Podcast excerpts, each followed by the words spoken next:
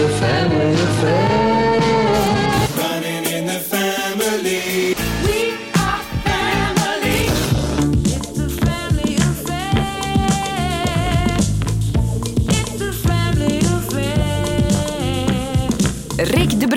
België zit vol muzikale families. Families waar muziek in de erfenis staat neergepend.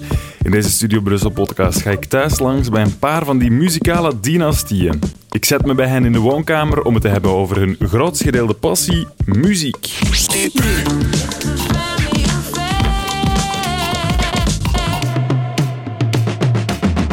Deze week bel ik aan bij de familie Shatar, bij Faisal en Hakim Shatar. Hakim Shatar is een bekende DJ. Elke zaterdagavond hoor je hem op Studio Brussel. Hij draaide al op veel festivals en zelfs dagelijks in de tv-show Vandaag. Zijn jongere broer Faisal die kennen we ook maar al te goed op Studio Brussel. Een muzikaal wonderkind, in 2016 zelfs verkozen tot de beste DJ op de Red Bull Electropedia Awards. Hij had jarenlang zijn eigen show en ondertussen hoor je hem elke vrijdagavond met zijn maten van Abattoir Envers. Ik heb het met de broers over van alles. Over papa de DJ, DJ Jamal. Jamal, gewoon Ja. DJ Jamal. En die was dan ook zo resident in een Lommelse discotheek, de Postillon. Dat was Ja, echt zo... en de Shaft. En de Shaft, dat waren zo echt legendarische discotheken. over doorzettingsvermogen, Ik heb daar helemaal van voor gestaan en ik heb denk ik drie uur lang gewacht totdat zij kwam, want ik wou absoluut van voor staan om die demo-cd te geven. En eh, dan ben ik echt van de rest van het wel niet kunnen genieten, omdat ik zo doof was geworden van, van, van het geluid. over een geschiedenis met gitaren. En dan ben ik uiteindelijk bij een metalband, maar echt zo van die 80s heavy metal shit beland. En dan was dat ook echt full-on spandex op het podium. We hebben maar twee, twee optredens gehad, of drie optredens of zo. Over af en toe wat bluffen. Hey, willen jullie anders niet afsluiten? Willen daarmee draaien? Ja, ja, dat is goed, dat is goed. En dan was het echt van, oh ja, maar wij hebben totaal geen materiaal. En laat staan, moest er materiaal zijn, kunnen we er niet mee spelen, want we kennen dat niet. En over buitenbeentjes op de festivals. Gewoon de, weet de Marokkanen de twee punk, Marokkanen ja. die naar punk luisterden. Ja, je weet niet, Dat bestond gewoon niet, Ja, dat was dat, ook zo. dat was ongezien. Dat was echt, we waren Ah, twee... in Lommel was In het Lommel, ja. We vielen op. Dit is Family Affair met de broers affair.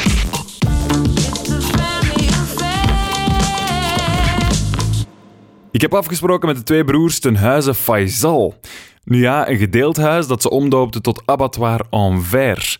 Een oud slachthuis ergens in Antwerpen-Zuid waar hij samenwoont met een aantal creatieve vrienden. Een paar rappers, een klassieke pianist, een fotograaf en zelfs een kunstschilder. Wanneer ik toekom, is zijn huisgenoot Glins de enige die al wakker is.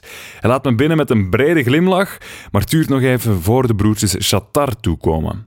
Maar wanneer ze er zijn, hebben ze er zin in. Twee handen op één buik, dat merk je heel erg snel. Zeker als ze over muziek mogen babbelen. Want die passie voor muziek, die zit er al van jongs af aan in. Mijn, mijn mama kan alleen dansen, maar mijn pa heeft wel... eh, ja, die, heeft, die, heeft, die is zelf DJ geweest, altijd. Zelf heel hard ermee bezig geweest. Koopt heel veel instrumenten, bespeelt geen enkel instrument, maar die koopt wel heel, koopt veel, heel veel instrumenten. En eh, ja, dan vroeger dan smijt hij ook zo eens een piano op tafel of zo, en dan begint hij zo met die presets te spelen. Ja. Of, hadden wij ook zo. Eigenlijk, als ik erover nadenk, die eerste, wel zo, het allereerste dat wij hadden was zo'n Casio SK1 keyboard. Waarin dat je zo, dat was eigenlijk een sampler. Ja. Je kon daar zo, je had zo rechts van boven zo één klein eh microfoon slash speakertje en kon je op een knop drukken en dan kon je één seconde samplen Ja. van één wat. Dus eerst wat, wat twee achtjarigen, acht en negenjarigen doen natuurlijk, is scheten opnemen en, en, en boren. maar dat had dan ook zo, zo van die standaard songs erin. En Ja. één één was eh, eh, Eh, wake, me, wake Me Up Before You Go. ja. En dan begon hij dus de melodie, de lead, af te spelen met de sample die Ja. jij had ingezet. Dan ging hij alle samples voor de rest. En dan daar is het eigenlijk begonnen voor, voor ons. Dus daar, daar was En eigenlijk nu had was je toen 8 en 9 ongeveer. Ja. dat is zoiets, ongeveer ja. zoiets al het geweest. Ze is zijn. al Dat was- vrij jong begonnen, ze. Ja. Vader Shatar is degene die de muziek in huis binnentrekt. Met een hoop instrumenten van overal, maar ook met veel platen en verhalen. Want vader Jamal Shatar die heeft er een hele muzikale geschiedenis op zitten. In de ja, 70s, 80s, eh, dat was dat toen nog ja, de disco-periode ook. Ja. En Dan was hij echt een DJ en dan was hij ehm, bekend in, in Lommel en omstreken, maar ook bijvoorbeeld in Antwerpen. Daar, eh, dus er is En hoe heet hij dan als DJ? DJ Jamal. Jamal, gewoon Ja. DJ Jamal. En die was dan ook zo resident in een Lommelse discotheek, de Postillon. Dat was Ja, echt zo... en de Shaft. En de Shaft, dat waren zo echt legendarische discotheken. En we geloofden dat ook nooit. En dan heeft hij zo ooit uit de, uit de kast zo'n stoffig t-shirt zo naar boven gehad. Zo met zo'n 70s, zo'n ring shirt zo. Met zo eh, DJ Jamal en dan zo'n logo van de Postillon, zo'n paardenkop. En dan zo Postillon daaronder. En dan zo, oké, dit, dit kan wel eens echt, echt, zijn. Ja, ja, het was echt, wel- echt wel zot. Ehm, Maar dat, dat was toen ook anders. Hè. DJ vroeger, dat was, dat, was, dat was eigenlijk een beetje radio. Hè. Dat was plaatje aankondigen, afkondigen. ehm, en een beetje zorgen voor de sfeer. Maar dat was eigenlijk volledig in functie van het publiek. Ja. Terwijl Ja. het nu eigenlijk zo'n beetje geshift is. Zo van, oké, alles draait nu een beetje rond de DJ en wat dat daar rond gebeurt. Ja. Maar daar was het echt zo, de DJ heeft Ja. eigenlijk niks te maken met het feest, buiten dat, dat hij de plaatjes opzet. Ja. En dan natuurlijk daarvan, van daaruit van, oké, maar die DJ doet dat wel net iets beter dan die. Door die Mhm. DJ blijven mensen langer.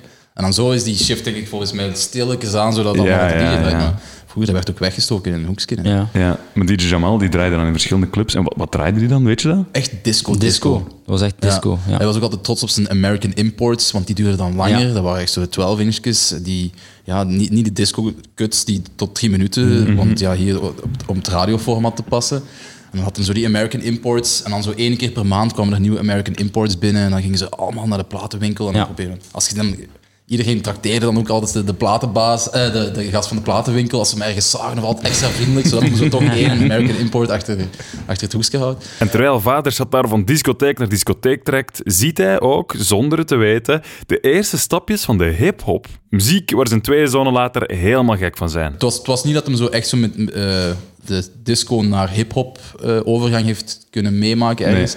Maar hij heeft wel ooit verteld dat hij dan in Brussel of in Antwerpen ehm, ergens moest draaien of zo, en, of opwarmen of whatever. En dan was er een Amerikaanse DJ die dan kwam spelen ook. En dat was zo het uitgangsbord van ja, een, een, een Amerikaan komt spelen.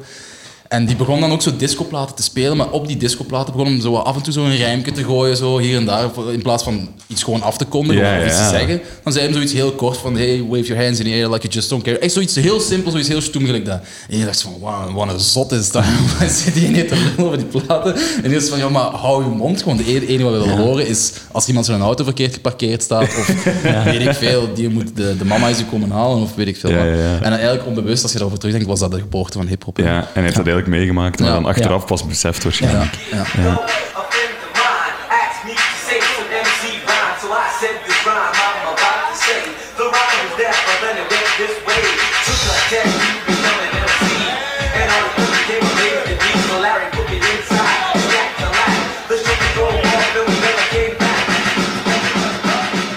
DJ van hoe dat hij deed was niet echt mixen. Dat was echt ja, plaatje praatje, gelijk dat we nu zeggen. Zo, dat was echt zo de, de, de plaat opleggen en hij babbelt er wat over. En dan bij de overgang zei hij van ah, de volgende plaat, deze gaan jullie echt helemaal wild gaan. En, en terwijl je het beseft is die plaat al op. Maar dat is niet echt letterlijk mixen. Ja.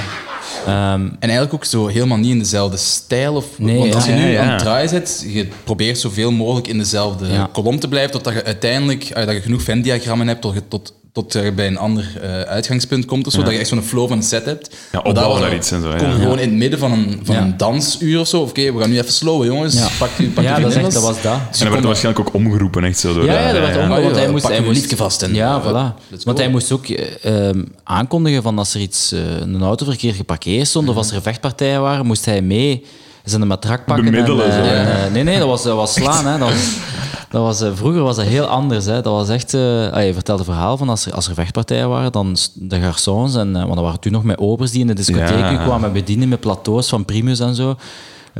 Die, dat was muziek stil, lichten aan en de, de patroon en, en de garçons en de DJ stonden Mhm. met matrakken de, de vecht, vechtersbazen buiten te slaan.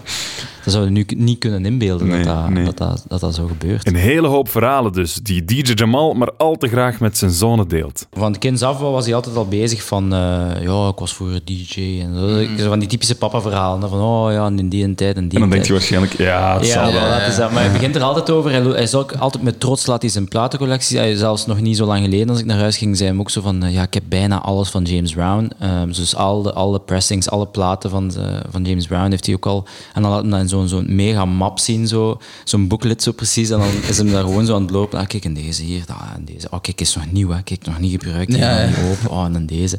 Dus hij is er super trots op. ehm en terecht ook. Ehm, hij was ook ooit, maar ik, dat kantartikel vindt hij dus niet meer. Ehm zei hem van, ja, ik was ooit beste DJ, bekroond tot beste DJ van Antwerpen. Oh. Omdat hij in Antwerpen moest draaien. En daar, daar zegt hij altijd, was hij super trots op. Ehm, maar dat artikel, eh, hij vindt het niet meer. Dus eh, dat is hem zo kwijt. Dus eh, ik, ik hoop dat, dat, dat we dat ooit kunnen zien of vinden, Ja, eh, ja. waar dat, dat op staat. En dat Klinkt ook wel cool. Beste. DJ van Antwerpen. Ja. Ja, wel, het is dat, ja. Ja. Antwerpen zal waarschijnlijk niet zo geweest zijn gelijk nu. En dat was waarschijnlijk allemaal... Want hij zegt ook altijd van... Ja, toen ik hier kwam in Lommel, hè, dat was er allemaal bos, hè. Dit, hier, bos, hè. En hier, deze straat, bos. En hier, bos. Allemaal bos. Ik heb dat zien veranderen, jong. Dus waarschijnlijk gaat hij hetzelfde over Antwerpen gezegd hebben. Ja. De ring, dat was allemaal bos. Dat was al- we, moesten, we moesten naar daar met een steen weg, jong. Als je zegt van, mijn pa heeft zo'n hele map met dan alle James Brown platen in bijvoorbeeld, dan klinkt het alsof hij daar heel trots over is Ja. en dat hij daar ook kei voorzichtig mee omgaat. Ja. Mochten jullie als klein cadees daarmee aan de slag met die We hebben platen? een paar keer opgefokt. Ja, dat, dat was... dat Ik denk als de eerste keer dat we gezien hadden op tv of zo, van mensen kunnen scratchen met platen, het eerste wat je dan doet is scratchen met platen. Maar je staat er niet bij stil van als je scratcht, heb je scratchnaalden nodig. Je hebt een plaat nodig waarmee je kunt scratchen. Ja, dat hebben we dus niet. hè. We hadden gewoon eh, echt direct mee staan scratchen. En dat was één plaat en, en eh, vol met krassen. En echt die naald kapot en zo. Dan, eh, dan hadden we door dat dat dus niet de bedoeling was. Ja. Was hij kwaad? Dat was, eh, Heel dat kwaad. was ja. En toen is ook de, de collectie permanent verhuisd. Ja. Van, eh, van, Van de de living, zolder, ja. van zolder Ja. naar, naar eh, een, een ruimte die afgesloten kon worden. Echt een slot erop. Ja. Ja, ja, echt een slot erop. Ja. Mocht het er niet meer aankomen. En zelfs nu eigenlijk nog altijd, als we Ja. daar komen, die zegt zo platen op en je wilt zo zelf een keer zoiets opleggen, zo, dan is hij echt zo van, voorzichtig, Wacht, u, raak dat niet, rustig, laat, dat- laat die uitspelen, rustig. Die wil ook niet dat je Ja. de naald erop laat vallen, maar dat je echt zo met het hendeltje Ja, die ja, naald hij is echt nog heel oldschool. Want er waren toen nog, want hij, heeft, hij had verschillende platenspelers, maar heel vroeger was er nog niet echt zo direct drive eh, eh, platenspelers. Hè. Ehm, Diegene waar je echt mee kan ja, scratchen. je echt, dat waren echt zo, hij had ook heel veel van die belt drives, maar ja, de- wij waren dan met die belt drives aan, het- aan het scratchen, maar dat, ja, dat waren like, misschien Nee, dat ook omdat kapot, Dus je ja. eigenlijk van voor naar achter, maar omdat dat met die belt was, dus voor geen meter ging, ging gewoon met die naald zo van Ja. links naar rechts en dan krijg je ook een scratchgeluid. Zo. En dan die platen dus compleet opvakten. Ja. Ja, ja, nee, dat is wel niet tof gevonden. Als je zegt dat dat echt een, een, een schuurtje is, kun je eens beschrijven dat dat eruit Je ziet, kunt die dat eigenlijk beschrijven als deze ruimte hier, eigenlijk zo'n een, een rechthoekige eh, eh, kamer, en waarvan... eh, Een heel laag plafond. Een laag plafond. Met een helft eigenlijk is allemaal eh, LP's. ehm, eh, en, zijn, en zijn setup staat er dan ook. En dan de andere helft is allemaal cassettes, CD's. ehm, Ja, en zijn gewoon kasten tegen de muur van, van eigenlijk van eh, ja, wat is dijhoogte tot aan Ja. het plafond. En Ja. die zijn gewoon allemaal Allemaal gevuld. Dus dat je zo'n heel panorama view hebt van enkel platen en zo in het midden zo'n ding. En hij heeft ook heel veel eh, speakers die ook hij- overal hij heeft ook, de, de, de eerste disco-speakers van vroeger die hij dan soms meenam om, eh, om eh, op te stellen, die, die staan er nog altijd. Daar is ik super trots op. We hebben daar ooit ook ehm, eh, naar ons voeten voor gekregen, omdat we zo op dat bobbelke duwden van de speaker. Dat was dan zo ingeduwd en dan, oh, is niet de drama. bedoeling, en dat nee. was, ja, dat was echt... Dat heeft hij dan ook weer verhuisd van de living naar de Ja. Vandaar dat hier zo vol zit. Hij is ook heel trots op hoe luid dat allemaal gaat. Ah ja, oké. Ja, Ja, ja, hij heeft de ene keer, dat weet ik nog, heeft hij een keer... Maar mijn pa is ook... oh, dat is vrij handige, hè. Dus eh, die heeft dat ook een keer allemaal aan elkaar aangesloten. En op, eh, hij, is trots op versterkers en zo. Dat snapte, dat is, dat is heel oldschool. ehm terwijl wij kopen nu een Sonos en dat is aangesloten. Ja, en dat is, voor ons is dat, oh, dat is goed geluid. Maar daar, hij mega veel versterkers aan elkaar gelinkt. En dan met die boxen.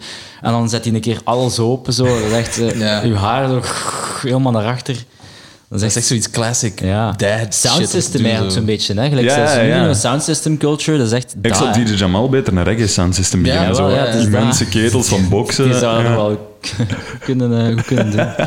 Een klein schuurtje, maar vooral een immens heiligdom voor papa Shatar. Een heiligdom waar niet iedereen zomaar binnen mag. Het duurt dan ook even voordat de twee broers in de platen mogen duiken. Ja, op het moment dat, eigenlijk dat, dat, hem, dat hem doorhad van oké, die twee zijn wel...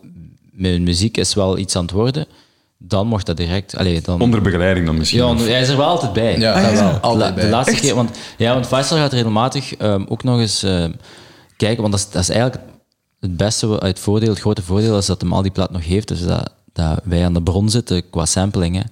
En voor Faisal is dat ook heel leuk en soms ehm, gaat hij ook naar daar, maar hij is er altijd bij. Dan is Faisal wat Ja. platen aan het zoeken en aan het kijken en aan het luisteren, en, maar hij staat er dan zo een security guard. Zo En is dat om te eh, controleren of is het omdat dat hij ook wil vindt dat weten ook van... wel- Hij vindt dat ook ja. wel hij vindt ook gewoon heel leuk. Ja. En hij wil ook weten misschien welke dingen dat hij kiest of zo. Ja, die wil weten wat ik kies en dan kan hem zo, zo op eh, basis daarvan, Daarvan zo kan andere hij dingen van, ja. recommenden of zo, Ja. of dingen die ik niet ken. En nu heeft hem onlangs ook, eh, vorig jaar denk ik, zijn eigen echt een paar maanden opgesloten met alles op, op categorie te Ja, sorteren echt en als wauw. artiest. En Ja. Bijvoorbeeld als ik dan zo dingen eruit kies, dat ik denk van oké, dat is interessant, ik luister dat dan daar. Ik trek wel gewoon een foto van de hoes en ik Ja. probeer dan gewoon digitaal Ja. kopie te ja. echt niet allemaal. Maar dat lukt ook niet altijd. Maar het is, zo, het is wel handig, want als je dan zo bijvoorbeeld ziet van oké, hij heeft dat gekozen.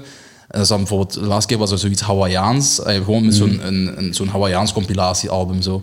En dan was het zo van, ah ja, maar hier zo, dat, dat is zo. En dan per se dat hij niet echt wist wat het de inhoud van die muziek was of zo. Maar die zegt van, ah, oké, maar dit is zo'n gelijkaardige cover bijvoorbeeld. Ja. Dus dat hij Ah, zo ja, cover zo van, ja, misschien staat daar dezelfde muziek op. Ik heb het zelf nog niet gehoord, want hij koopt ook vaak loten van platen op van echt? vrienden of zo. dus die wauw. is nog altijd zo nog vol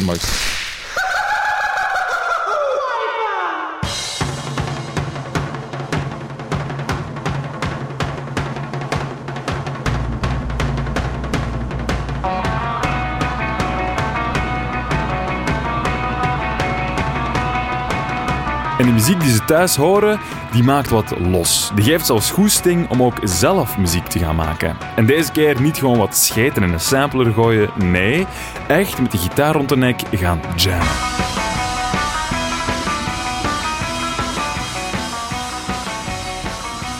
Vice heeft een gitaarperiode Ja, gehad. ik heb, eh, ik heb echt zo'n bluesbandjes gespeeld. Uiteraard, ja. Ja. Iedereen speelt, begint in blues ja, je, moet- je moet niks kunnen. Zo, Drie akkoorden, Ja, klaar. drie akkoorden en klaar. Je kunt zo uren blijven gaan. En ik moest gewoon zingen en dat was...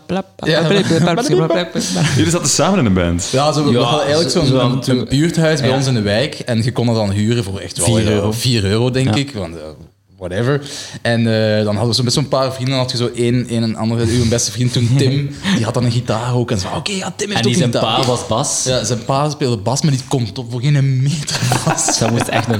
Dat was echt... Oh, dat was zo Die had dat gekocht en die, die vond dat kei Ja. mooi en zo, maar die, die kon dat letten, die kon dat gewoon niet bespelen. Terwijl dat nu, side note, nu, de- nu spelen ze nog altijd. Ja. eh, nu, nu zijn ze ondertussen... eh, ze zijn een coverband gestart die, die random covers spelen van allerlei rockbands. En het is best goed. Maar wij waren in de fase dat hij dat kocht en nog niks kon. Nee. Ehm, terwijl Faisal was mee maar aan het experimenteren en maar blijven spelen. En, eh, Een groot deel van dat experimenteren valt misschien wel terug te leiden naar dat heiligdom van vader Shatar. Want daar, daar liggen platen die een jonge Faisal helemaal wilt krijgen. Niet alleen die disco-collectie, maar hij heeft ook een heel grote collectie eh Hendrix en Black Ah, ja. Sabbath Ja. en Pink Floyd. En vooral Ja. die Pink Floyd is hem heel trots, want dat zijn heel mooie covers, dus die hangen dan ook op.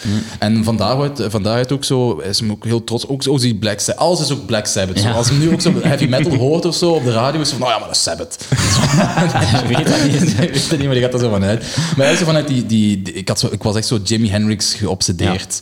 Ja, ik kan me voorstellen als kind, Jimi Hendrix, de eerste keer dat je dat hoorde, je denkt, what the fuck is dat? Ja, dat was echt, dat was, dat was, dat was zo trippy. En ik had toen ook zo'n klein afrokken. En ik was zo, oké, en ik, ik heb hier ergens een gitaar van papa wel. En dan zo we proberen. En dan was er een, een Lommelse band, ehm Memuma mee noemde die. En dat was van Ja. Martijn Ravensloot. Ja. En die speelt nu bij de Subs ook. Dat is nu de, de eh, ook Melawati Modular op Instagram. Doet zo nu met heel veel modulaire synths. Hij en dan Jonas eh, en dan eh, die van de band JFJ. En dan er waren zo, zo de Lommelse guys. En die maakten ook zo trippiere muziek en zo. Dat was ook wel complexer. En dan zo, het eerste wat ik ooit heb leren spelen was dan zoiets van hun. En dan zo, oké, verder. En dan proberen zo Hendrix te spelen. En oké, en hij werd dan zo wat heavier en heavier. En dan ben ik uiteindelijk bij een metalband, maar echt zo van die 80s heavy metal shit beland. Wauw. Wat echt zo Iron Maiden, eh, ehm, eh, Judas Priest, dat, wij, dat was een coverband, hè. En dan was dat ook echt full-on spandex op het podium. We hebben maar twee, twee optredens gehad, of drie optredens of zo. Maar dat was dan ook zo'n demo gaan opnemen. En je was dan de leadgitarist of... of, of... Nee, rhythm. Ja, Rhythmgitarist, ja. En dan zo wat falsetto backings. en dan ook, dat was ook zo, oké, we hadden zo wat vrienden die zo wat konden spelen, maar ook zo geen zanger. En dan was gewoon de maat van ons, Raf, ook gewoon de meest random dude ever. Dan wilde jij niet zingen. Hij zo, oh ja, oké. ja, dat is goed. Ik was ook zo Iron Maiden Ja. geobsedeerd. Altijd van die, je hoort hem ook aankomen met zijn cowboy boots, Ja. eh, zo strakke jeans. Die was eh, altijd, wel de, guy op En dan zo de keel openzetten Ja. en gaan. Ja, zo. gewoon Ja. gaan. En dan zo met die mannen waren ik ook wel naar zo heavy metal festivals in Ja. Duitsland gegaan en zo. Maar uiteindelijk was ik zo'n beetje doodgebloed. Ja, en dan, eh, dat, is- dat is eigenlijk zo voor, eh, dat was zo wat zoeken van oké, waar, waar wil ik uitgaan? En dan die punkperiode was heel leuk, want ik, ik, ik was oh, ook drum roadie van eh, een punkband. Eh, we zijn altijd naar de, dezelfde festivals geweest in, in, eh, in Lommel, van die random festivals. En we waren er ja, de twee buitenbeentjes dan, die naar punk ook luisterden. Want als je Ehm, zegt, waren de buitenbeentjes op welke manier dan? Gewoon de, ik weet niet, Marokkanen de luisteren niet naar twee punk, Marokkanen die naar punk luisterden. Weet niet, Dat de- bestond gewoon niet, Ja, dat was dat ongezien. Dat was echt, we waren Ah, in- twee- in Lommel was in Lommel, ja. We vielen op, we vielen echt op. Om het Dat zo te dan niet alleen één, maar zo de twee broers Ja. zijn dan zo altijd zo Ja. tussen al zo de, de white boy skaters of, of van die optredens. mee aan, mee aan het moshen of whatever. Dus van, oké, Ja, maar- dat was echt... eh, Iedereen denkt ook van dat dat niet serieus is, maar we waren er elke keer. En dan was ook Hakim effectief de, de roadie van een van de twee punkbands in dus Lommel. toen ook al geïnteresseerd in zo het backstage gedaan. Ah, ja, ja. daarmee dat ik dat nu nog... Dat is ook nog een deel van mijn job. Dus ik vond het toen al zo interessant. Ik dacht van, oh, ja, hier wil ik ooit wel iets mee doen. Ja. Ehm, en niet per se het punk gegeven, maar gewoon het gegeven van backstage en met muziek en werken. En Mhm. Ja, dat want was echt hoe- zo... Als je zegt, we waren de enige twee ja, Marokkaanse jongeren die daar stonden op die punkoptredens. Hoe werd dat dan thuis onthaald? Bij, ja, uw pa zegt van ja, Black Sabbath en zo, dat was allemaal wel cool. Maar wat vond je Die moeder ervan? eigenlijk niet echt, Nee. denk ik hoor. Nee? we gingen gewoon naar buiten. En dan Ja, we gaan naar, bu- we gaan naar buiten. Ja. Ja, is goed. En je moest gewoon meer zwarte t-shirts wassen op een gegeven moment of zo. Eh, nee, ik, ik begon Nee. dan zo broeken van, van papa te dragen Ja. van vroeger. Zo, omdat ik, ik was ook zo wat groot, maar mama ging er no way in hell. Ging niet zo van die Nee. oversized of zo. Nee. Die wou altijd dat we er piekfijn uitzagen. Ja, Dus je moest er dus zo we wel zijn wat altijd wel shit- camoufleren. mooi uit. eh. Ah, ja, dat ging echt broeken van, van je vader, omdat dat dan zo die skate baggy Ja, dingen ja. had. Maar dat was dan alleen als ik ging skaten Vroeger, of zo. ja, papa had alleen maar zo van die MC Hammer pants ook, hè. Ja, zo dat van die dat- stoffen. Nu, nu is dat mega hip als je dat nu aandoet, hè. maar vroeger was het echt zo, dan keken we soms van, oh, ga niet mee naar school, Ja. ga niet mee naar school, blijf. Die, die had dat altijd aan. We altijd... En nu nog soms met die zo trainingspakken aan van FC Barcelona en zo, dat we denken van, oké, pa, je hebt zo mooi garderobe. Gewoon een beetje jammen in het repetitiekot, dat gaat al snel vervelen. Dus met de juiste outfit en genoeg oefening komt het moment dat ze voor het eerst op een podium kruipen. En De eerste keer, eh, je zegt, ik speel gitaar, rhythm guitar, en jij, jij was eh, een roadie bij een band. Ja. Kan je nog herinneren, eh, Faisal, bij jou dan de eerste keer dat je op een podium stond? Ja, dat was zo in zo'n zo'n camion dat zo half open was. Ken het? Dat is zo die, die Lommel fat- is all about camions. Dat was die Eigenlijk periode. alles. Ik Al denk onze dat eerste keren, dus je mocht nu vragen van uw eerste keer band, uw eerste keer DJ-set, in Ja. Lommel altijd camions. Ja, die podiumbouw, dat is er pas Ja. rond 2013 of zo Dan had Lommel, geïntroduceerd. eh, Lommel Stad Lommel heeft dat Zo'n ooit eens- bas opentrekken Ja, van een camion. ja, zo, exact, ja, ja. ja. En dan heeft Stad Lommel eh, eh, na een tijd een, een podium aangekocht, wat eigenlijk ook een trailer was, maar dat dan zo uitschuift. Dus Ah, ja, dan- dat dat, zo- dat je toch ja, iets ja. of wat podium hebt. Maar anders was dat altijd een camion van Nijs, dat is een transportbedrijf dat, dat overgekocht is door Of Prik en Tik. Of prik en tik. En dan is dat gewoon die zijdoeken open en gaat een podium. Zo Ja. simpel was het. Ja. En dan eh, nog zo'n tentje zo voor de front of house, dat was dan zo'n klein tentje. Ja. En wat was de gelegenheid dan van die eerste keer? Dat was het buurtfeest in, eh, bij ons van de wijk. Ja. Dus eh Balendijk West, Westwijk en Lommel. En dan was dan zo één keer per jaar is er zo het buurtfeest.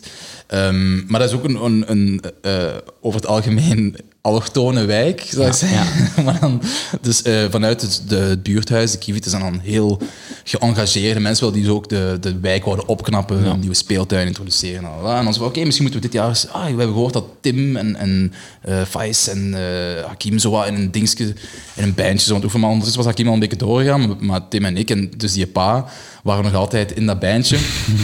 En ah, nee, dat was met Jamo ook nog. Dat was Ja. een, een Ah, maat van ja. ons. Ja, dat was echt een keigoed. Dat was echt, die trok eigenlijk al. Dat was een keigoede gitarist, maar die had geen vrienden. En, eh, maar wij, wij waren daar heel, heel cool mee. En eh, dat was dan voor het buurtfeest. En oké, wij op de blues Er was trouwens ook bluesbandje. nog Ali die bij aan de band kwam en die speelde Sas-gitaar. Wow, je dat nog? amai. Ja, dat was eigenlijk gewoon iedereen die een instrument kon. Ja. Die mocht erbij. Die mocht er gewoon bij, ja. eigenlijk, in principe. Dus voor dat buurtfeest en we spelen, was ook zo, vaak zo blues rock en we begonnen wat te zingen, maar we hadden geen nummers. Het was gewoon oké met blues. Eigenlijk was dat een live jam sessie. Het was op 10 minuten gaan. Maar zo zo, tijdens ja. die repetities, van, ja, we kunnen blijven gaan forever, bro. Maar als je dan, zo, als je dan bezig bent, van, oh, we zijn al de hele tijd hetzelfde nummer aan het spelen. En dan stond er gewoon geen einde aan. En dan natuurlijk 20 minuten na, na het eerste lied Ja. of zo, dan dacht je, was was dat optreden? En dan kijk je ook in het publiek, is gewoon zo 30 verwarde Turken. Zo. En dat was het eerste optreden, maar dat was wel, dat was wel nice. Want iedereen, was wel, iedereen was wel zo, oké, dat is iets heel anders of zo, maar whatever. Het is wel leuk dat er iets gebeurt in de wijk en in de buurt. Ja, ja, ja. Jij speelde er ook bij, Hakim, dan? Nee, Nee, ik dus in het begin, hè, dat hem zo wat begon te zingen en zo. In het begin wa- was ik zo wat mee jam, zo wat zingen en zo wat, zo wat Ja. doen. Maar daarna ben ik, ik zeg het, ik, dan ben ik ook zo wat verder gaan, gaan uitzoeken van wat ik wil precies Ja, doen. En dan ben ik zo mee. En dan zat ik ineens in die punkband als Rodi. Dus dan zat ik meer daar, ehm, bij die mannen eh, te hangen in hun eh, repetitiekot. Ehm, was ook elke dag gewoon jammen met hun en, eh, Ja. en luisteren en kijken, oh, wel, wel- welk nummer kunnen wij nu coveren? Eh, Ja, en dat was echt zo punk-punk. Was Ja, echt dat zo was en Ja, zo. Flogging Molly Ja. shit en zo. toen was het nog heel hard, eh, alles, Alles was Irish. Irish en het, er was zo ineens, drinknummers ineens ook een Irish pub en ineens En alles was toen ook Gino's Eyeball. Dat was de hut van het altijd. Gino's Eyeball was altijd de headliner van elk eh, festival in, in Lommel. Dat was echt zo de punkband van het moment. Ehm, maar ik ben bijvoorbeeld ja, ik ben ene keer meegegaan naar Groesrock ehm, en een paar keer naar Graspop. Ah, ja. Om echt zo eens te zien van oké, Is dat mijn ding? Is dat mijn ja, ding? Maar het grappige is dat je, dat je de kledingstijl niet hebt gevolgd. nee, nee. Dus- Ik ben Ja. niet... Ik ben niet eh, wat we wel soms deden, is een, eh, eh, de Large. Ik weet niet of je dat kent. Ja, ja, zo de- met de magazines, Ja, large pop merchandising. Ja, en dan was een keer kijken. En dan, maar het is niet dat we zo van... Dat we alles mochten kopen. Dat kost ook natuurlijk veel geld. Ja, ja. Dus dat was af en toe een keer een, een shirt bestellen en zo. Maar dat was, van, die, van die random shirts met wietplant op of zo. Terwijl we niet eens smoren. Of zo. Dat was echt zo van... Oké, dat, is, dat is hip. Maar het is niet dat ik zo ineens all black ging. Ik ging eigenlijk gewoon met een normale jeans en een normaal... eh, t-shirt of een hemdje of zo naar daar. Eigenlijk een nette gast die ja, naar een een, een concert gast. ja. ik- Ja, Ja, mooi in de gel. Ja, dat was echt zo. Mijn haar was toen nog in de gel. En dat was echt zo van, oké, we gaan naar Graspop. En dan stond ik daar eh, bij Slipknot eh, te kijken van wat dat die mannen aan het doen waren. En ik was... eh, Aan het zoeken naar die drummer die van, maar hoe doet die dat wel? Wauw, oh jong, zo'n grote drummer, what the fuck. En, ja, dat was echt... maar dat was wel cool zo, om te zien, dat was echt heel Ja. leuk. Wat eerst nog begint met gitaren en drums, gaat al snel over in een fascinatie voor beats. Want de wilde DJ-verhalen van Shatar senior, die trekken de broers ook wel aan. En ze besluiten om samen achter de DJ-boot te gaan staan. Eigenlijk waren we een DJ-duo. Echt? Dus we zijn samen eh, beginnen draaien. Dat was En hoe heet jullie dan? Electro Brothers. Oeh, dus dat, ja, wel- welk jaar spreek je dan? Goh, wat is dat? 2007, 8? Zoiets zal het zijn, ja. En dat was dan echt met het begin van de electro, zo die Ja, Ja, dat was heel zo. hard die electro scene. de sound of stereo en, eh, en, en ja. subs die in het begin... Bloody Beetroots. Ja, de Ah, ja. subs heb jij nog gezien. Volgens mij was dat ook zo'n een eerste Eén- ankerpunt, zodat je de Ja. subs live hebt gezien. Ja. En dat was dan een superklein café. Ik heb, was dus- dat in ik, heb de, nee, ik heb de subs live gezien in Overpelt. En, eh, of in Neerpelt. eh, wat nu Pelt is eigenlijk. En, eh, en eh, ik heb daar nog een foto van. En een filmpje ook, dat ze een Fuck That Shit live aan het doen zijn. Ja. En dan, jij stond dan helemaal van voor. En Ja. Jeroen, en dus Ja. Wiebe was dan gewoon achter, dat was echt nog puur de tekst. En Jeroen had gewoon een mic vast. En dat was precies gewoon in een café of zo. Ja, ja, het was een ik was er niet café. bij, maar ik heb ja, dat het was een heel klein eh, café. En dat was dan echt zo, fuck that! Hoe dat Ja. dat nu nog altijd live doet, maar dan zo'n klein café. En dan was ik zo Ja. van, what the fuck? En dan was dan zo eigenlijk vanuit die, als je vanuit die punk komt, een heel logische stap. En vanaf daar ook is echt zo heel Ja. die electro shit Die electro shit was echt zo, Want ja. eigenlijk zo die Bloody Beetroots en zo, al die distorted shit en zo Justice ook in die Ja, tijd. ja. En zo, dat, dat was eigenlijk gewoon... Ja, de gasten van Justitie hebben ook gewoon echt een outfit aan Ja, van een hardrock ja, band. voilà. ja. Die, die hun eerste shows, dat waren ook ineens al die Marshall speakers Juist, achter hun. Dat ja, was ook ja, zo, ja. dat was echt en zo. dat kruis in het Ja. groot. Ja, Dat, ja. dat was eigenlijk een beetje ongezien van, oh wauw, dus ze brengen hier gewoon die rock-punk shit ehm, nu bij de electro scene. De Electro Brothers van Lommel. Maar dat draaien, dat blijkt toch nog niet zo gemakkelijk te zijn. Vooral omdat je er het juiste materiaal voor moet hebben. Dat was ook een random naam, wat gaan we doen? Ah, ik weet niet, we spelen electro, we zijn broers. Ja. Electro Brothers. dus ehm, ehm, een beetje begonnen. En eigenlijk, het, het, we werkten alle twee in een, een, een restaurant. Ehm, een Italiaans, Spaans, Mexicaans restaurant waar we afwasser waren. En daartegenover hadden ze ook een zaak dat Italian-based was, dus zo wat tapas-achtige Italian lifestyle. En, eh, dus we waren daar afwasser vooral. ehm, en eh, soms een keer garçon of soms een keer eh, dingen. Maar vooral van het moment dat ze begonnen met DJ'en, mochten wij ook de DJ's zijn. Ah, We konden dan proberen, dat, want we, hadden geen materiaal. We hadden geen geld om materiaal te kopen van ICD'tjes of zo. Dat was allemaal nog niet... nog niet eh, kost dan gewoon geld. kost geld. Ja. Dus we waren gewoon vooral ja, aan het sparen, van aan het kijken van oké, nummers opslaan, verzamelen, kijken wat we mee kunnen doen, dan een keer een cd branden, dan een keer proberen. Ehm, en dan Virtual DJ, dat was eigenlijk ons, ons spel om mee te spelen, om, om Ja. mee te experimenteren, om mee uit te zoeken. Dus eigenlijk vooral de muis was ons, ons instrument om te Ja. kijken, slepen, oké, past dat? Ah ja, amai, dat past perfect bij elkaar. Eh, Af en toe de toeter erop. af en toe, eh. Don't you know, pop it up. Je- You Ja, pop die it up. dat is juist, die zit daar ook in. hè. Don't you know, pop it up. Of erover. Ook- De ding is Love Boat of? Ja. Juist. En op welk tempo dat je track ook speelt, Ja. zodat die Ja. sample past zich Ja. aan. Dus don't you know, pop it. Dat was echt de En dan shit. een keer alle samples tegelijk tegelijk opzetten. Echt kermis eigenlijk. Dat was echt, Ja. ja, dat was echt keihard. Maar je moest met je ja. muis dus ook de, en de fader. En als Ja. je dan wou Ah, ja. Ja, of zo. En dat was ja, dan thuis op een computer? Ja, of- gewoon bij ons op de Ja. computer. eh, dat was echt zo, echt zo is dat, dat was dan de gemeenschappelijke computer waar Ja, jullie dan ja, zo uren ja. aan een stuk... Ja, en eh, ehm, ja, dat was echt dat was heel plezant ook. Na genoeg prutsen en oefenen na de uren aan de afwas, hebben de gasten hun eerste gigbeet. Die ze op hun eigen manier aanpakken. Ik denk, onze aller, allereerste set was ook... De hele setup was de computer ook. We hadden geen dingen. We zijn Dat gewoon... was aan een laptop of hebben we echt zo... Nee, nee, echt het was echt eh, zo... desktop. Een desktop, hè. Dus ze Met zeiden ook zo'n zo'n eh, LCD... Nee, hoe heet het? Zo'n, echt zo'n zo'n bak van een monitor. Ja, zo. ja, ja. Ja. Nee, we hadden toen nog... De, dat was de platte. We hadden was de platten al mee. Ah, ja, we hadden- dat was, ja, de eerste platte schermen waren niet plat, Oeh, maar ja. die waren zo wat dikker. Zo, Ja, maar het was nog niet zo'n dikke bak. Maar het was... ehm, ehm, we hadden wel een korg... Ah, ja, ja, ja. eh, aangekocht, waar we ook nog niet heel veel mee konden doen, maar we hadden het wel meegenomen. Zo'n klein mixer ja. zo met zo'n pads op en Ja, zo. nee, zo'n keyboard. Zo'n klein Ah, keyboard. ah, ja, ja. oké. Ehm, Ik had dat gezien, zo, eh, als je Dorian Concept kent. Ja, ja, de, de producer. Die, ja, ja. die gebruikte dat zo live altijd. En Ja. dacht van, oké, shit, ja, we moeten Moeten hebben. doen. We moeten hebben voor de live show. Ik kon daar niet echt mee spelen, maar dat was echt zo... Oké, ja, we gaan dat meenemen voor de lichtjes. Ja. En, ehm, en dat was echt zo... Maar echt, ja, dat was een, een, een talentenjacht in Lommel, zeg maar. Ja. Dat was de eerste editie en ze zeiden van... Hey, willen jullie anders niet afsluiten? Willen daarmee draaien? Ja, ja, dat is goed, dat is goed. En dan was echt van... Oh ja, maar wij hebben totaal geen materiaal. En laat staan, moest er materiaal zijn, kunnen we er niet mee spelen, want we kennen dat niet. Dus daar zeiden we gewoon, maar we nemen de computer mee. Dus we hadden die een desktop, al die kabels, die core daar zo opstellen. Maar tot aan een muismat toe. hè. ja, echt een zo muismat, alles meenemen ja. en echt dat opstellen dat gedoe. En dan kwam die, dan kwam die van de PA zo van, ja, maar hoe moet ik het aansluiten? Eh, want ja, het is niet dat je daar XLR's op hebt op die computer. Hè. Dus wij zo, ja, en wel, dat mini-jacksje kun je hier van voor insteken. En die, die keek ons echt zo aan van, wat, wat, zijn, wat zijn jullie mee bezig? Dat is toch kei slecht geluid? En, ja, ja, eh, doe maar. Ja, dan hebben we toch nog Dat was een feestje. succes. Ja, het was Ja, wel een dat heel goed wel, eh, feestje. wel Ik goed, heb eh, ehm, nog niet zo lang geleden eigenlijk, het kwam dat in- ineens in mij op.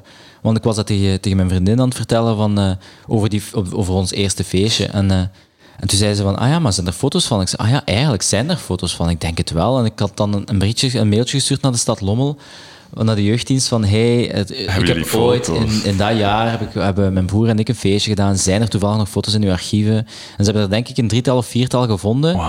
Ehm, die wel vrij wazig zijn. Foto's toen zijn nog niet gelijk nu. Ehm, Dat was gewoon een dikzak van de Ja. stad Lommel die dan zo... ja, voilà. Maar je, je ziet ons wel met die setup staan, met die desktop ja, staan. ja. Eh, dus dat is, wel, dat is wel een leuke herinnering. Eh, Ja. Zeker als je weet van waar je komt. Zo, wij hadden niet de, de privilege om te zeggen van hey, ik wil gaan draaien en dan dat er ineens een DJ-setup voor je neus staat. We moesten echt nog zo ja, ons plan trekken gewoon. En dat vind ik wel op zich, als ik daar achteraf op terugkijk, vind ik dat heel goed, omdat ja, je, je apprecieert dat van alle kansen die je krijgt en zo, en je, je neemt ze ook. En soms ook een beetje bluffen eigenlijk, gelijk die talentenjacht. Hè, van ja, hebben jullie dingen, kunnen jullie ja, ja, we gaan draaien, dat is geen We probleem. fixen dat. fixen Ja, dat. want daarna dan ook, want dan, dus na die periode, we hebben dat dan even gedaan, dan zit jij naar Brussel verhuisd, want je ging op de dinges, Rits, rits, ja. doen. En ik ben eh, naar Hasselt gegaan en toen heb ik mij ook ingeschreven voor een DJ-contest. Ja. Want DJ Mania dan. En je hebt die gewonnen toen toch ook? Ik heb die gewonnen, maar ik kon ook nog altijd niet draaien, want we hadden Ah, geen, geen dingen. Ik had me gewoon ingeschreven en je moest dan zo'n eerste mixtape opsturen. Ik had dat volledig gemaakt in Ableton, want ondertussen was ik mij dan helemaal aan, het- verdiepen in... eh, En dan zo'n Ableton-crack ergens gevonden of Ja, zo. een Ja, Ableton ja. crack Alles was gevonden. zo, eh, ondertussen is alles wel legaal. Ja. Eh, en dan, dan heb ik eh, gewoon die mixtape gewoon opgestuurd. Ja. Oké, dat was door de eerste ronde. En dan is van, oké, ja, je mocht naar de eerste live. Gewoon ik zo, oké, kijk goed, maar ik Mhm. kan niet draaien. En ik heb ook nog nooit dat materiaal van dichtbij gezien. En dan, alle chance, de YouTube-tutorial-generatie was ondertussen al ontsprongen. Dus gewoon echt zo C-DJ-tutorial, C-DJ-tutorial. Maar zonder dat je die setup zelf had. Zonder Nee, dat we, die hadden nooit set, we hebben nooit een setup gehad. We Dus hebben- dan, dan, dan ben je op een gegeven moment al die YouTube-filmpjes aan het kijken Ja. naar een setup die je niet hebt. Dus je kan dat Ja, niet testen. Nee, Wat, wat wel was, die Italian Lifestyle Bar, Ah, die ja. hadden dan een DJ-setup gekocht, omdat ze dan hun weekenden, was het, eh wouden ze dan zo wat... Met eh, live apero DJ ja. en Maar dat was ook gewoon zo'n grote Rodeck-mixer. Dat was een. Rodeck mixer, maar wel, ze hadden wel de twee eh CDJ 1000's waren ineens eh, eh, tevoorschijn gekomen.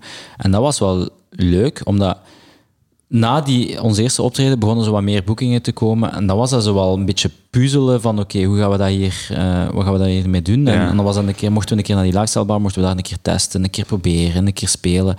Ehm, En dan, eh, bij, mij- bij mij was het voor- vooral na de sluiting, eh, mocht ik dan zo experimenteren. Later is hij er dan ook bijgekomen, zo wat kijken en wat puzzelen.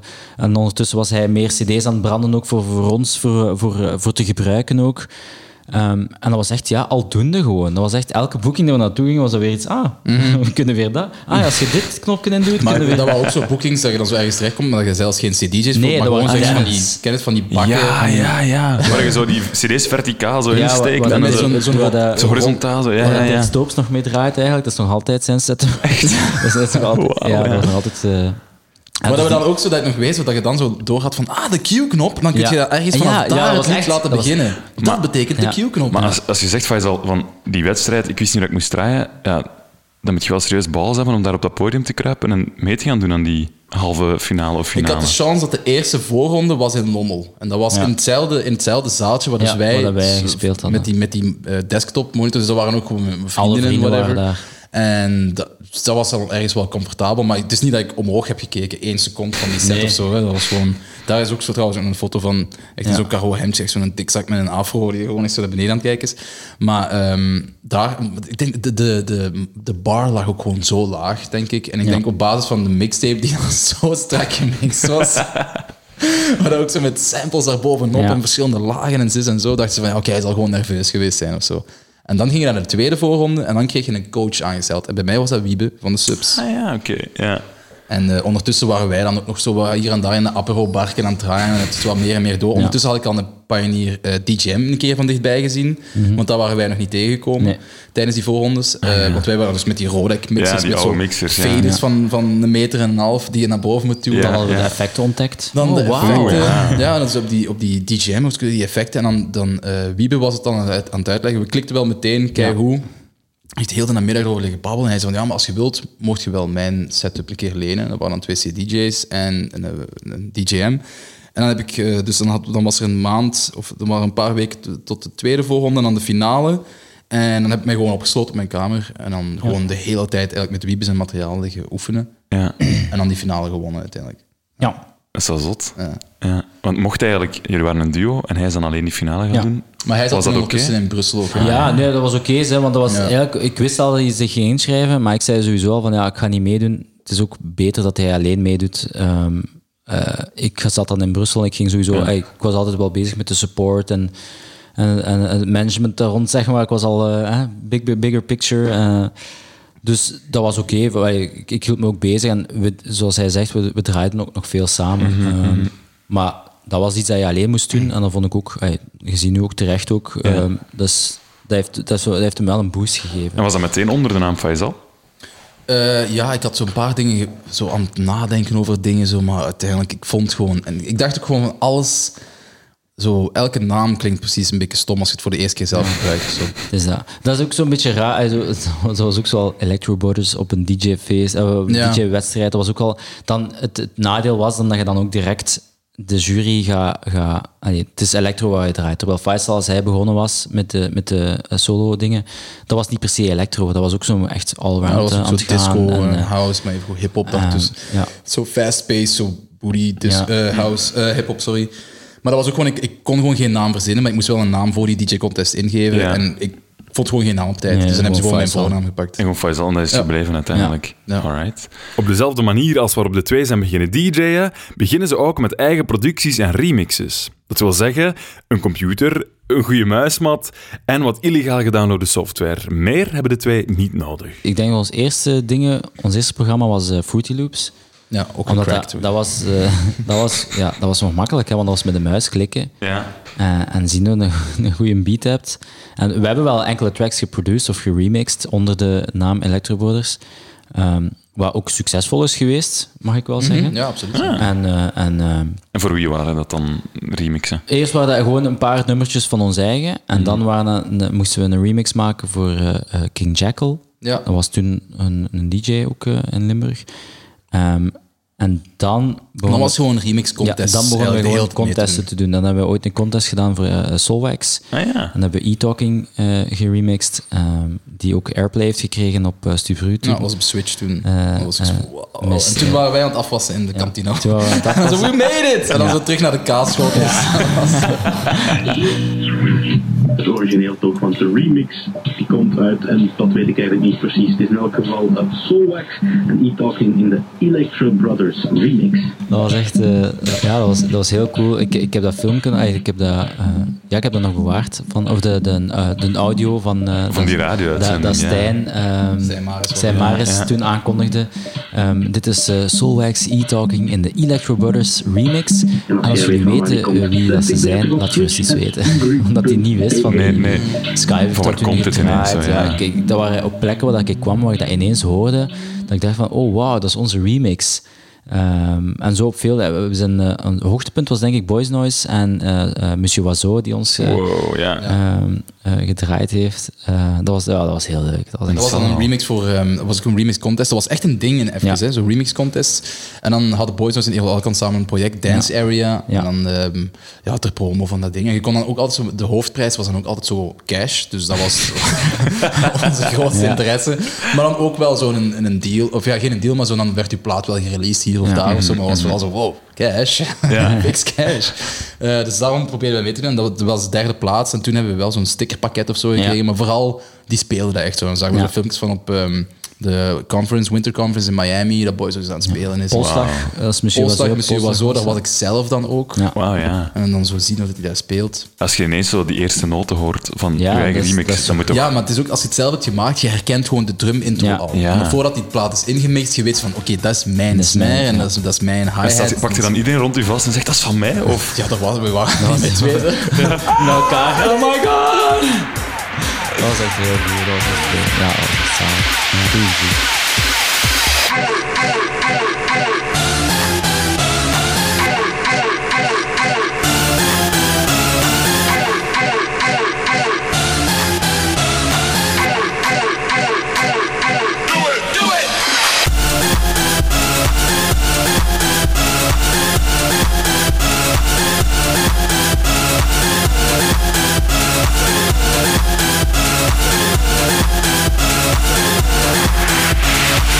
Wij waren ook zo, als we naar zo'n dingen gaan, als, en ik herinner mij ook zo, die Polestar of Pukkelpops of whatever, we waren niet echt zo in het publiek aan het dansen of zo, we stonden altijd zo wel vrij dicht bij de boot en echt Ja. zo aan het kijken. Van, Altijd kijken. Aan nog het kijken is. Naar een altijd... DJ zo echt zo kijken en stelen met je ogen. Of, of van wat hij aan het doen ja, is. zo, wat hoe, hij- wat- wat- ey, zo, dat was Ja. zo, ik weet niet, zo mystiek of zo, van die staat daar en zo, wat is hij aan het doen en zo, oh shit. En ik weet dan ook zo in, in 2007, toen eh, Daft Punk op Pukkelpop heeft gespeeld Ja. met die Alive Tour, Ja. dat het dan ook zo van, shit, je kunt niks zien en zo. Dat was gewoon zo'n piramide Ja. met zo licht, maar dan zo even later werden dan zo die foto's Die foto's van binnen inside the the boots. pyramid. En dat was zo ja. nog... meer- dat was, die dat was setups zo, met die knoppen Ja. en die... Ja. Ja, ja. Ja, met al die MIDI-controles. We Ja, hebben ook eh, één jaar, heb ik, want we hebben demo-cd's gemaakt, uiteraard. En we wouden aan zoveel mogelijk mensen geven. Want het was toen nog met demo's. Ja. En eh, ehm, ik weet nog dat ik, denk ik, in de Boiler Room, Pukkelpop 2019 of zo, ik weet het niet meer. ehm, toen was Bloody Beetroots eh, met Steve Aoki daar. En ik heb daar helemaal van voor gestaan. En ik heb denk ik drie uur lang gewacht totdat zij kwam, want ik wou absoluut van voor staan om die demo-cd te geven. En echt zo, na Steve Aoki kwam Bloody Beetroots, die speelde mega luid, maar echt, echt alles eraf geblazen. Ja, toen kon dat nog. ja. En eh, ja, dat kon, ja, decibels en zo, geluidsdingen, dat was echt niet, dat was nog niet Pre-Jock aan de orde. Dat was echt waar, dat was echt Ja. volle bak. En ik sta daar met mijn cd maar te zwaaien en te zwaaien. Uiteindelijk was het eindelijk door, een van die twee, en die keek zo en die zei, ja, die deed teken van kom, kom, kom, oké, ja, gooi die cd. En eh, dan ben ik echt van de rest van Pukkelpop niet kunnen genieten, omdat ik zo doof was geworden van, van, van het geluid. Het was, ik, ik hoorde niets niet meer. Dat was echt zo... En toen dacht ik echt van, oh shit, wat is dat hier? Maar ja, dat was echt zo... Je had er allemaal voor over. Van als Ja. die maar iets horen van ons, hopelijk... Ehm, maar we hebben wel heel veel mailtjes mogen ontvangen. Dat was nog toen de tijd van ook met MySpace en zo, Ah, die ja, periode. juist. Dat was echt nog, ik kreeg nog veel van die berichtjes en zo van die artiesten. ehm wat dat, nu kunnen we daar bijna niet meer indenken. ehm, dat ze echt antwoorden op mails van, ah ja, dank u wel, het was, Mhm. Ja. klinkt goed, of, of, of dit, of kan beter, of weet ik veel wat. Dus dat was wel echt wel Ja. de shit. Ehm Buscemi is ook zo iemand die van ons heel veel eh demotjes heeft gekregen. Ja, ja, ja. Altijd maar eh, doorsturen. Ja, gewoon mailen en- altijd ja, maar, ja, ja. eh, al- maar- maar Spammen bijna. Ja. ja. Die, die is ook van Lommel, hè. Het Ja. is van. Dat was altijd de headliner op de, op de feestjes in Lommel. Het mooie is dat dan zo met de, de 25-jarige, of nee, 20-jarige jubileum van wat is zijn eerste plaat? Ja. Die bekende... Met Seaside op en zo. Met Seaside, ja. ja, ja. Dat, hem, eh, dat hem had gevroeg, eh, gevraagd vorig jaar van ja, dat komt, eh, dat komt eraan. Ja. Eh, Seaside, als je zin hebt om een remix te maken of zo. Dus dat die cirkel dan wel uiteindelijk wel rond is. Maar ja, toen kwam corona wel en is die release ook Dat is uitgesteld. altijd grappig, want die cirkels inderdaad, dat is altijd zo een kleine cirkel als je erop op terugkijkt, omdat Wiebe komt er altijd in terug, hè? Ja. de Subs komt er altijd, Ja. Buscemi komt er altijd in terug, want bij hem hebben we altijd voor en na zijn set Ja, gespeeld ja, als ja. headliners. Dus dat was echt zo... Ja, dat is grappig, omdat je, elkaar, je ziet elkaar later terug en je babbelt met elkaar, terwijl vroeger waren we helemaal starstruck en nu is dat gewoon, dat zijn vrienden. Je stuurt Ja. berichten naar elkaar, je stuurt... Allee, Maar zo bij elke DJ waren Ja. wij starstruck of zo. Ja. Maakt niet uit of dat een bekende Nee, of een echt minder. zo van, oh, zo, dat is een DJ. DJ. Shit. Zo, dat, is, dat is wat wij willen doen. Ja, Dat is ja. Zo. Ja. Dus ook al was dat DJ Joske van, van op de hoek, zo, dat maakt echt niet uit. Zo. Dat was gewoon echt gewoon... Ja, niet om wie dat die persoon is, gewoon zo om wat, wat dat die doen en hoe dat die dat doen. En die kunnen dat, want ze worden ervoor betaald en ze, ze gaan en mensen kijken daar nog op of whatever. Ja. Maakt niet uit wie dat is. Ja, we, we hebben die overgang ook gezien van, van platen naar cd's en zo. hè. Dat was echt zo van... super cool om te zien ook trouwens. Ehm, en die, ja, hetzelfde met CDJ's, dat was echt zo... Ik wou dat absoluut hebben, hut van hut. Ik heb er ooit ene ooit kunnen kopen en dat was de MK2 CDJ, maar dat was ja... Met ene kunnen niks zijn. Je hebt geen mixer en je hebt geen tweede. En dat was echt zo van, oké, ja, ik heb Ene cd-speler wat is inderdaad doen, ja, maar wat we wel konden doen, is die, daar als cd's insteken en kijken wat je allemaal met die knoppen kon doen. Ja. En dat hebben we dan wel gedaan thuis, om te zien wat we er allemaal mee kunnen doen. Maar op het moment dat de USB kwam, dat was ineens van, oeh, Ineens kan je alles meenemen. ineens kunnen zoveel doen. Ja. Na het winnen van de DJ Mania contest krijgt hij meer en meer gigs voorgeschoteld. En het lijkt nu plots allemaal heel snel te gaan. Ja, dat was heel snel. Want eh, ehm, ze hadden mij ook beloofd met die DJ-contest van oké, als dat één keer, als je dat wint, je krijgt heel veel speelkansen en je gaat, eh, er was een, een, een festivalplaats verzekerd op Laundry Day ook. En, dus dat was, ik, ik keek ik ging ervan uit van oké, kijk hoe. En effectief, er kwamen wel aanvragen binnen, maar dat waren zo, zo scoutsvuiven hier of daar. Maar dat was zo niet echt iets wat ik echt wou doen. En als je dan zo in het begin zo vrij veel dingen afslaat, dus dan komt er ook niet meer veel van. Maar dat was dan wel zo hier een optredentje en dan, dan met Laundry Day, wat ook een grappig verhaal is, omdat ik dan niet op Laundry Day wou spelen, want ik had er wel gewonnen. Maar ik ging maar 50 euro krijgen en ik moest op de welcome stage draaien of whatever. En ik zei van ja, nee, dan liever niet. en dan zeiden die ook van... Dus die waren dan vrij hard op hun tenen getrapt, omdat ik dan wel op een ander festival wou spelen. Eh, waar ik dan zo op een mooi stage... Om, dat was ook zo'n deel van de deal. En die zeiden van ja, nee, je mocht dat niet daar. We willen exclusiviteit. Ik zei van dude, ik ben nog niks of nog niemand. En dan hebben ze gezegd van oké, je mocht ook niet verwachten dat je ooit nog op uh, Day mocht spelen. Dus dan ben ik dan in principe verbannen. Maar effectief een jaar later heeft, denk ik, Sam de Bruin in de tijd mij op een feestje horen draaien. Denk in Gent, in de Charlatan, waar ik echt mijn eerste echte speelkansen heb gekregen. Dus shout-out naar de, naar de Charlatan sowieso, naar. Gerald. Um, want die zegt ook als ik hem tegenkom, ik ben echt zo drie verhalen door elkaar aan het vertellen, sorry. Ja. Maar als ik hem tegenkom, um, zegt hij altijd van, ja, ik heb nog mailtjes van u toen, ja, ja. toen uh, Gerard, eh, 16 als je hem stuurt, die heeft, heeft mij ook gestuurd van, ik heb nog een mailtje van eh, Faisal. eh. En dan was echt nog dat mailtje van, hallo, ik ben Faisal, en Ja, DJ. ja. En ik wil komen draaien Ja, in de ja, Ik heb die contest gewonnen en ik zoek naar Ja. speelkansen. En dat was echt weer de eerste. Ik denk dat Sam de Bruin me daar heeft gezien. Ehm, en dan vrij snel The Sound of Sam. Dat was onze eerste Ja. live programma. Juist, ja, op zo, ja. ja, en Ja. met zo'n live locatie ook. En dan zo, oké, daar, dan, daar zo bij involved. En dan, ja, eigenlijk een seizoen later heb ik dan... Nee, dat waren twee seizoenen, Twee denk ik, of seizoenen zo. later, ja. Maar uw allereerste radiodebuut was eigenlijk Ben van Alboom, Switch. eh, want dat, wa- wat, dat was Ja, ook de dat was ook een deel van de- Een deel van- van de Nee, je prijs mocht gaan was draaien een, op, een eh, Studio setje Brussel, ja, eh, ja, bij ja. Ben. Ja. Ehm, Ehm, ja, en Ben was toen nog hè, radio, eh, eh, Red Bull Wikipedia, Ja, ja, dus. Ben had ook al direct al gekeken van oké, ah, hij heeft hem in doog gehouden van oké, Ja, en dan op die manier kan je op verschillende plekken terechtkomen Ja. natuurlijk. Ja. En dan dus, met, eh, dus op Stubru eigenlijk vrij snel daarna zelf, met Sam dan, zo als DJ van Sam zijn programma. En dan kwam ik, dus de enige stage die Lan VD niet zelf boekte, was de Studio Brussel stage. Ja. En dus drie jaar later, nadat ik daar verbannen ben, kom ik op dezelfde backstage met die mensen die dus ook blijkbaar wel hun best hebben gedaan om mij van die affiche af te houden. Maar ik mocht gewoon openen hoor. Maar, maar dat is dan toch gelukt. En sindsdien heb ik ook elk jaar op de Studio Brussel stage tot op het einde van is eh, geweest mogen spelen. Yep. Maar dat is ook, ja, ik zeg het, dat is vrij snel gegaan met die set. Dat was een Ja. deel van de prijs. En dan daarna Sound of Sam vrij snel gegaan. Dat was ook Ja. gewoon omdat ze zo iets nieuws aan het proberen waren met die live shows. En dan zo daarna bij Sam in de studio. En dan vrij snel, dus nou, ik denk na drie jaar of zo, na die contest, wel echt een programma gehad. En dan Ja. is het echt helemaal vertrokken. En ik ging dan altijd mee als manager. Ik was de tourmanager. Slash buitenwippers. Slash, eh, alles. Ik deed Je hebt ook voor TLP, want ik herinner me dat jij... Ja, ik heb dat een tijdje voor hem ook gedaan. Ehm, toen hij bezig was, dat, we, dat was, hij had toen ook een radioshow. En ook zo wat daar leren kennen, en ook zo wat op eventjes. En dan op een duur zo beginnen meegaan. En ja, van het ene kant ah, kwam het andere, zo op den duur beginnen alles zelf te regelen. Ehm, ik ben ook wel iemand die dat ook wel graag doet. Ehm, Ja. Zo wat dingetjes regelen voor mensen. Productie en dingen fixen. Ja, dat is, ja. ik vind dat tof en dat, dat is ook nu ook een deel van mijn job eh, dagdagelijks. Dus dat is wel, dat is wel een leuk dingetje om mee te nemen. Dus ik, ik had even een periode gehad dat ik dat draaien even links liet liggen. Zeker omdat Faisal toen nog upcoming was. Had ik ook geen goesting om zo tegelijkertijd mee te beginnen, omdat anders was het zo'n beetje van, ah ja, oké, die twee zijn tegelijk hier, eh, ik wil daar ook geen wedstrijd van maken. Ik dacht eerst van, als Faisal goed bezig is, dan kan ik zo wat mee beginnen terug, Ehm, zonder te zeggen, ah, zonder daarmee te willen laten zien van, eh, ehm, dat, ik, het- ah, dat ik het ook kan of zo, of dat ze beginnen ja. te vergelijken. Want nu, dat nu zeggen ze nog altijd van, ja, ehm, wat is het verschil tussen u en uw broer? Maar ik, vind- ik vind dat zo'n stomme vraag eigenlijk. Dat, het is, ik ben niet hetzelfde als hem en hij is niet hetzelfde als mij, maar we zijn wel complementair aan elkaar. Als, Ja. als, wij ons, als we samen draaien, gaan we, matchen wij nog altijd perfect. Ja. Eh, maar we hebben gewoon elk ons eigen eh, kleine stijl, niche. eh. maar ja, ik, zeg het, ik me altijd bezig achter de schermen. En dat was bij hem al het geval. Als hij zo meer boekingen had, ik, kreeg- ik reed dan ook met een auto, dus hij ging altijd mee. Ik bracht hem dan overal naartoe. En dat, dat was heel tof, want je leert dan ook zo mensen kennen backstage. En dan ene verhaal naar het ander. Allee, we hebben dus ook zo alles gezien. Want, allee, als je nu kijkt naar de Nederlandse hip-hop, dat nu heel hard geboomd is. We hebben vroeger al die artiesten gezien als ze nog echt zo van die jonge gastjes waren. Als, als we Ronnie Flex zagen of zo. Die nu Hut van Hut is, dat was toen zo'n jong gastje dat, dat niets was.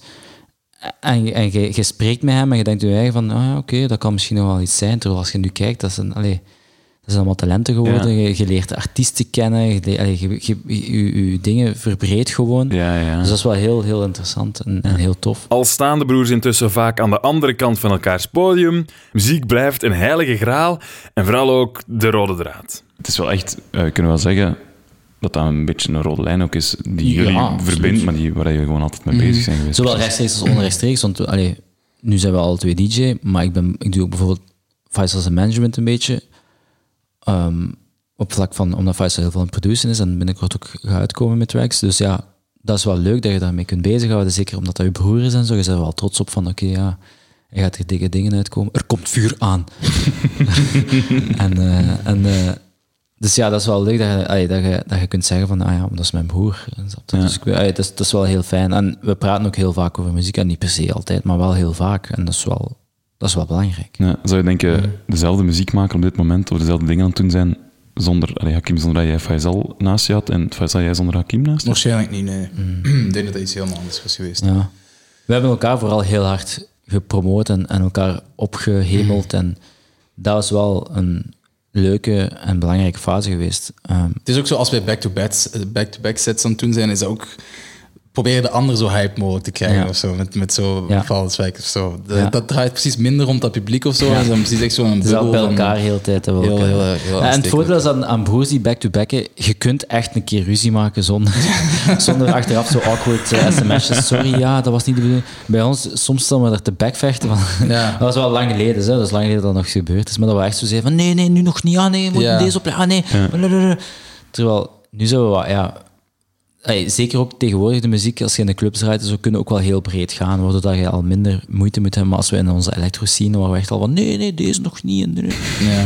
Ehm, maar dat gaat wel. Ey, je kunt Ja, elkaar... ja, ja. eh, ehm, trouwens, hij is ook, hij is ook supergoed in zijn keuzes soms. Dat, echt, dat ik zo echt wel verbaasd ben. Ehm, dus ja, dat vind ik wel, dat vind ik wel cool. Want ik leer van hem soms ook nog. Dus dat is wel... Ja. Allee, ik durf dat zeggen als oudere broer. Stel dat een van jullie twee ooit trouwt, wie is er DJ op het huwelijk? Mm. Vragen jullie elkaar? Boys Noise of... eh, zo. ik denk het wel. ja, ik denk dat dat zo de onvermijdelijk... Of papa gewoon. Papa. Ik denk dat dat misschien een mooie comeback gaat Ja. zijn dan. Om het allemaal terug samen te... Die gaat dan wel in een stoel willen zitten. Ja, echt Moody Man geweest. Gewoon Gewoon met één platenspeler. Met die t-shirt aan. Ja, ja, dat is heel strak. ik denk dat, we, dat, dat het wel in de family gaat blijven. Moest het... eh, Dit was Family Affair met de familie Shatar.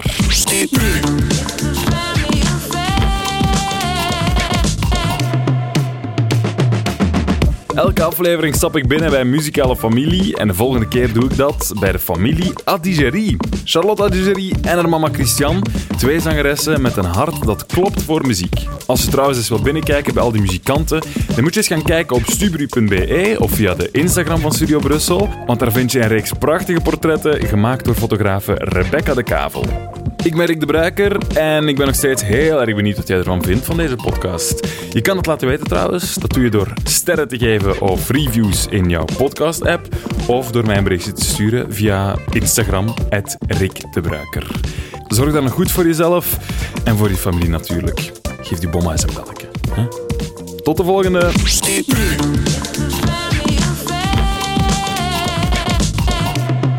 Was een podcast van Studio Brussel. Vond je hem leuk? Check dan zeker ook onze andere podcasts, zoals de Popcast, waarin Stijn van de Voorde elke week zijn licht laat schijnen over het muzieknieuws van de afgelopen week. Nu via stubru.be of in onze nieuwe Stubru-app.